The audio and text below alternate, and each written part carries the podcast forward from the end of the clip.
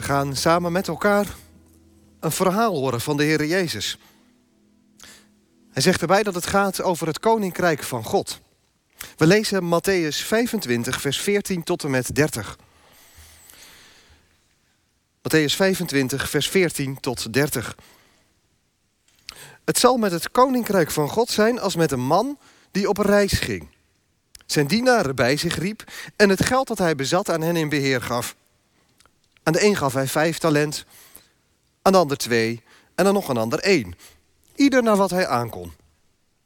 Toen vertrok hij. Meteen ging de man die vijf talent ontvangen had op weg om er handel mee te drijven en zo verdiende hij er vijf talent bij. Op dezelfde wijze verdiende de man die er twee had gekregen twee bij.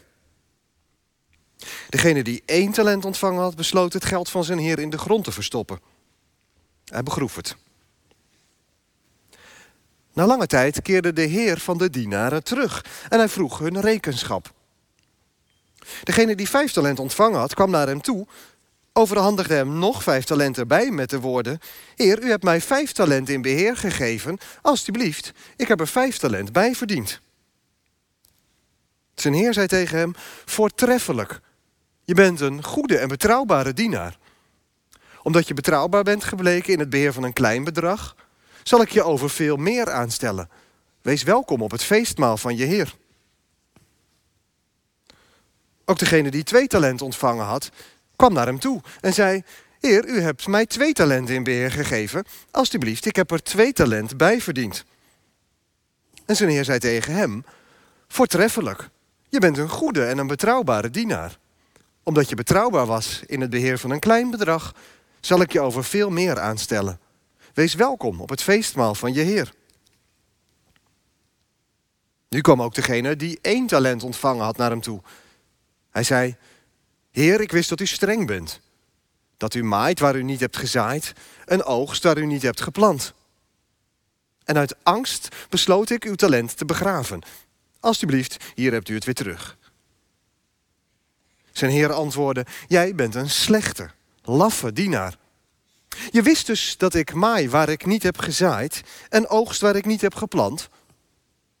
Had hij mijn geld bij de bank in bewaring gegeven, dan zou ik bij terugkomst mijn kapitaal met rente hebben terugontvangen.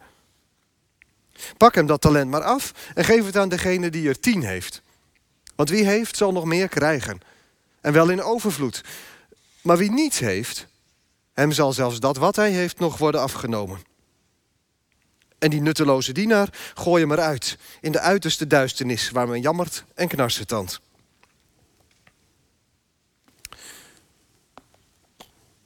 Tot zover.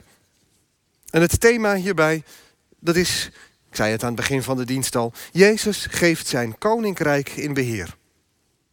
Jezus geeft zijn koninkrijk in beheer. Stel je eens voor dat jij wordt gevraagd om huisoppasser te worden in een kapitale villa. Eentje in Baren bijvoorbeeld.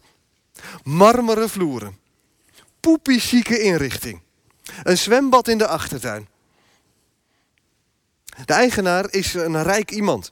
En hij heeft besloten om een poosje te gaan verblijven in zijn tweede huis in de Algarve in Portugal. Hij maakt een beetje een gehaaste indruk en mompelt iets van... nou, uh, alsjeblieft, hier heb je de sleutels, de code van het alarm is dit. Veel succes, hè? Doeg.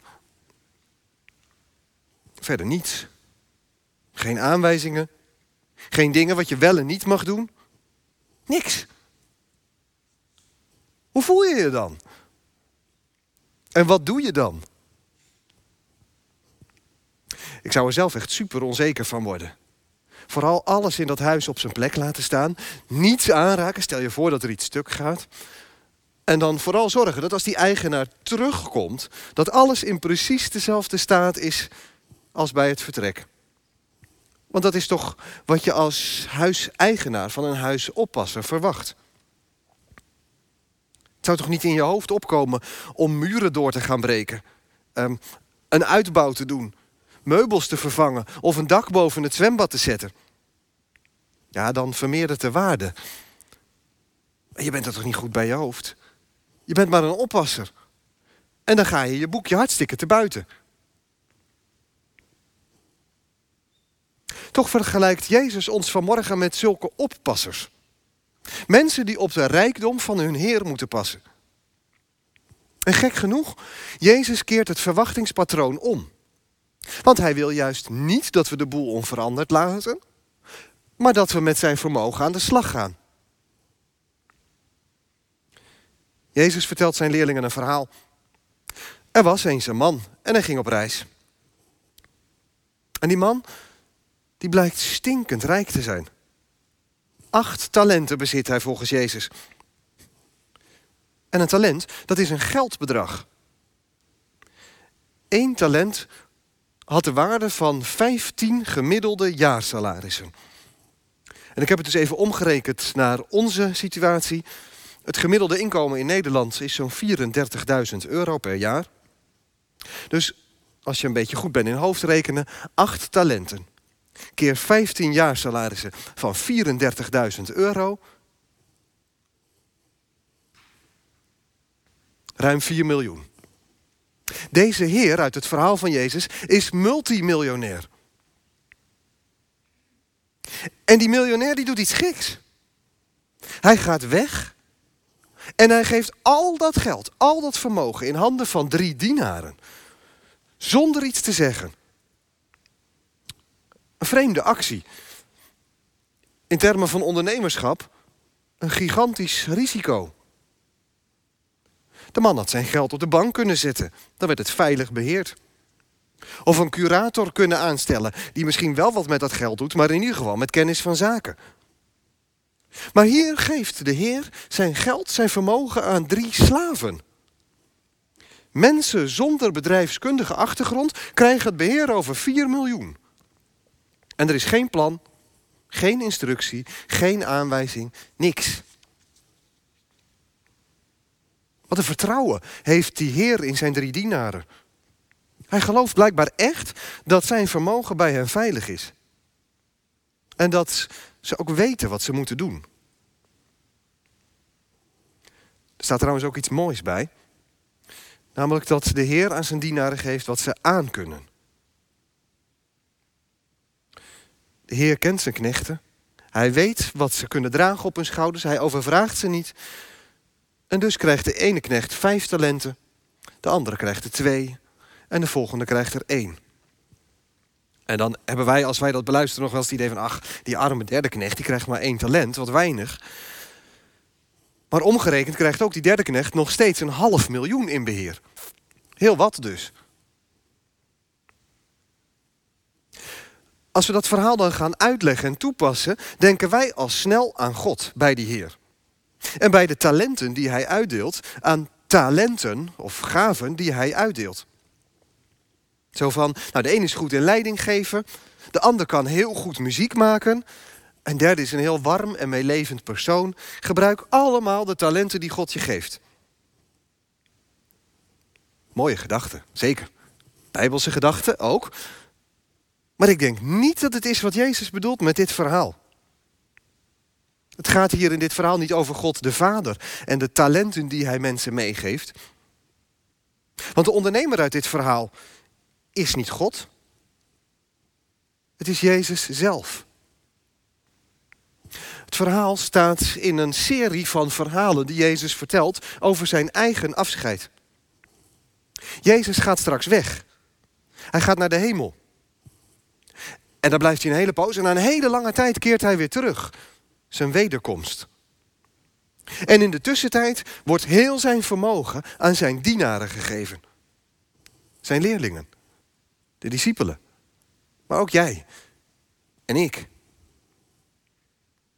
En de talenten die hij uitdeelt, dat zijn dan alle rijkdommen, alle schatten van het koninkrijk van God. Niet voor niets begint Matthäus 25, vers 1 met dat het hier gaat over het koninkrijk van God. Nou, daar heeft Jezus heel veel over verteld. En ook nog wel meer verhalen verteld dan deze. En samengevat is het dit. Het koninkrijk van God, dat is daar waar Jezus koning is. En als Jezus ergens koning is, dan worden mensen en dan wordt de wereld zoals God die bedoeld heeft. En daarom vertaalt de Bijbel in gewone taal het koninkrijk van God ook wel heel mooi en passend als Gods nieuwe wereld. Waar Jezus koning is, daar wordt de wereld nieuw. En woorden die iets van dat koninkrijk weergeven, zijn, zijn trefwoorden als liefde en vreugde en vrede, rechtvaardigheid en gerechtigheid, genezing en vergeving, en geloof en hoop en liefde. Eigenlijk alles wat Jezus bezat en ook zelf uitstraalde en uitdeelde tijdens zijn leven op aarde. Dat is het enorme vermogen wat de leerlingen van Jezus in beheer krijgen. Dat wat Jezus bezit, dat krijgen jij en ik, wij als gelovigen samen in beheer. En dan zou je verwachten dat Jezus wil dat zijn dienaren daar dan ook voorzichtig en zorgvuldig mee omgaan. Zoals die derde knecht uit het verhaal. En zoals een voorzichtige huizenoppasser uit het begin van mijn preek. Oppassen dat er niks stuk gaat. Voorzichtig zijn dat er niks wordt verspild. Zorgen dat het blijft zoals het was. En niet zoals die eerste twee. Die gaan hun boekje te buiten. 2,5 miljoen krijgt de eerste en de ander krijgt 1 miljoen. En ze doen er op eigen houtje dingen mee. Ik weet niet, misschien ben je zelfstandig ondernemer. Als een werknemer dat zou doen, op eigen houtje dingen doen met zo'n vermogen, dan ontsla je hem toch vanwege onverantwoorde vrijheid op kosten van de baas. Je zou dus ook verwachten dat als de Heer terugkomt, dat die eerste twee de wind van voren krijgen. Maar gek genoeg, Jezus draait het om. Zijn reactie is precies omgekeerd van wat je zou verwachten. Die eerste twee knechten blijken het goede te hebben gedaan. De Heer prijst hen uitbundig om hun betrouwbaarheid. Voortreffelijk gedaan. En ik zal je over nog veel meer aanstellen. Wees welkom op mijn feest. En de derde knecht, die wordt afgerekend op zijn behoudende keuze.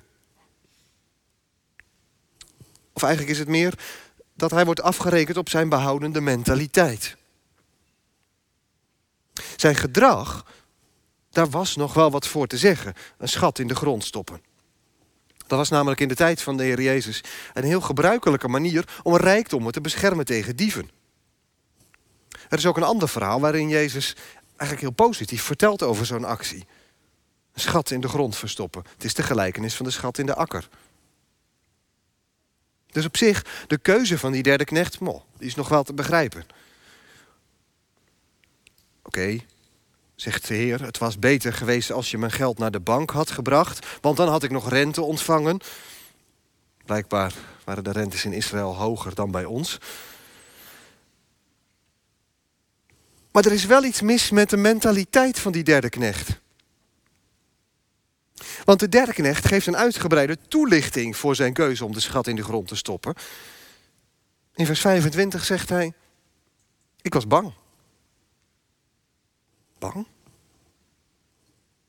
Bang misschien om het verkeerde te doen? Of bang om de waardering van zijn Heer te verliezen? Had hij misschien te weinig gemerkt van het vertrouwen en de gulheid van zijn Heer? Nou, in ieder geval blijkt dat deze derde knecht egoïstisch is. Hij zegt: Ja, ik weet wel dat u maait waar u niet gezaaid hebt en dat u oogst waar u niet hebt geplant. En daarmee bedoelt de knecht dit. Ik vind het niet eerlijk dat ik hard werk met uw geld en dat u er vervolgens met de winst vandoor gaat.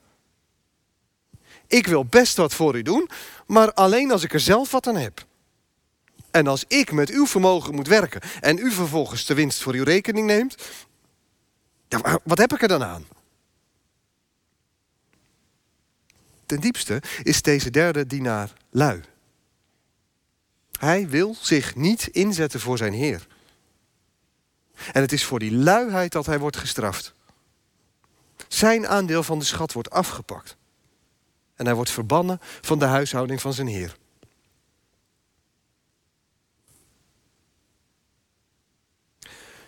Ik weet niet hoe jij dat beleeft, maar ik vind die afloop van het verhaal best wreed. En ook dreigend overkomen. Als je even bedenkt dat het hier gaat over de terugkomst van Jezus naar de aarde. Of iets groter gezegd, over hemel en hel. En over de schatten als Gods nieuwe wereld. Dan is het toch hartstikke heftig. Is het zo dat, dat, dat, dat angst, egoïsme en gelovige luiheid ervoor kan zorgen dat het plekje op Gods nieuwe aarde van je wordt afgenomen?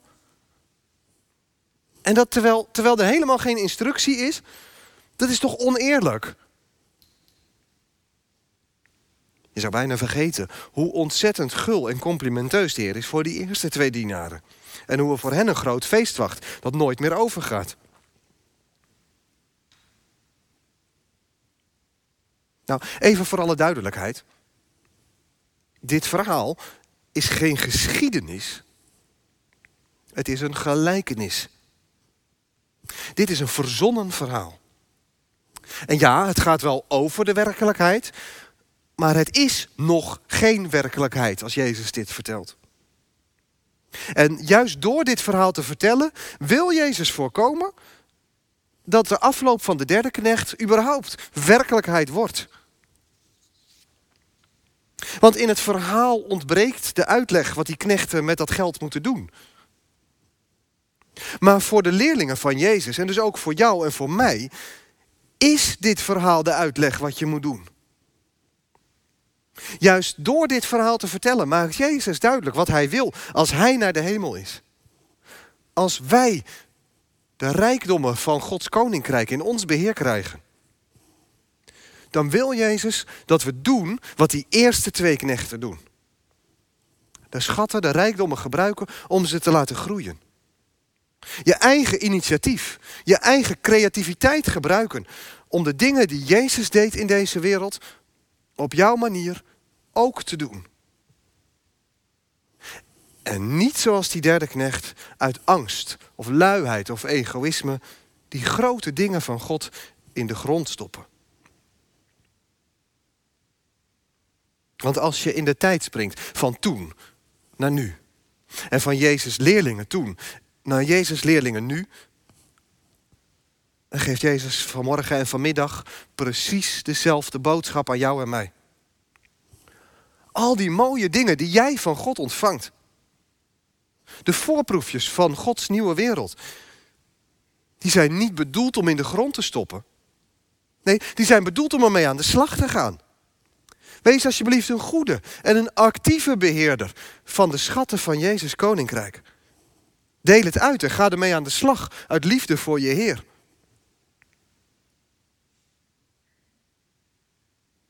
Ik denk dat jij en ik die aansporing van de Heer Jezus maar wat hard nodig hebben. Ik denk namelijk dat we veel meer op die derde knecht lijken dan we eigenlijk zouden willen. In ieder geval lijken we denk ik meer op die derde knecht dan op de eerste twee. De derde knecht hoort echt bij Jezus. Jezus is echt zijn Heer. En hij krijgt ook een stuk van dat koninkrijk van God in beheer. Dus die derde knecht is niet een nepgelovige of zo. Dat is gewoon een echte gelovige. Maar uiteindelijk draaide zijn geloof om hemzelf.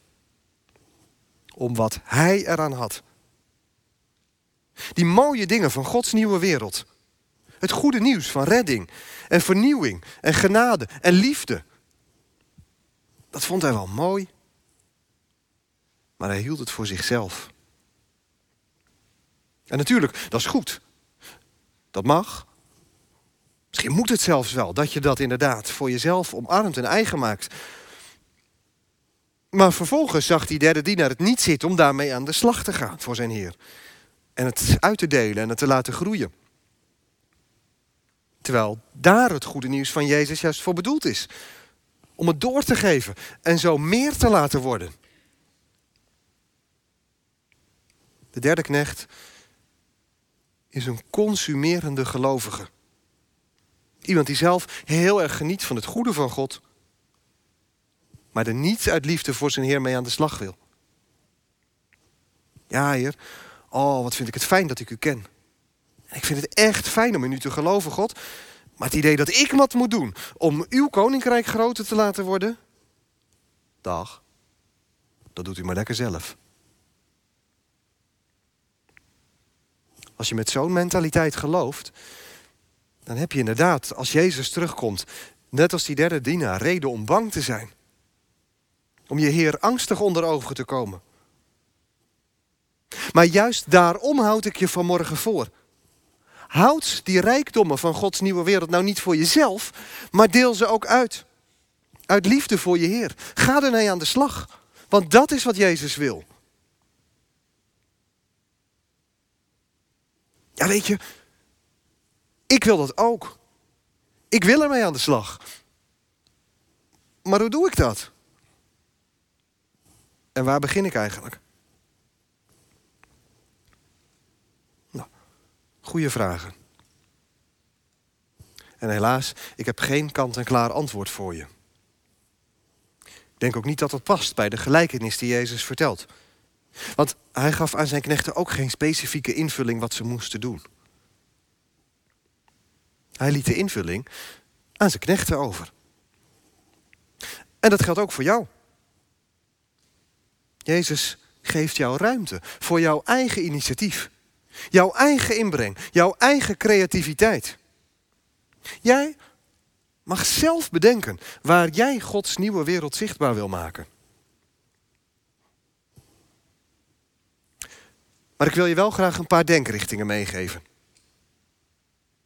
De belangrijkste, besef je nog een keer dat Jezus het heeft over het koninkrijk van God. En nog een keer, dat is dus eenvoudig gezegd Gods nieuwe wereld. De wereld waar Jezus koning is. En eerder in de preek gebruikte ik al een paar trefwoorden van die nieuwe wereld.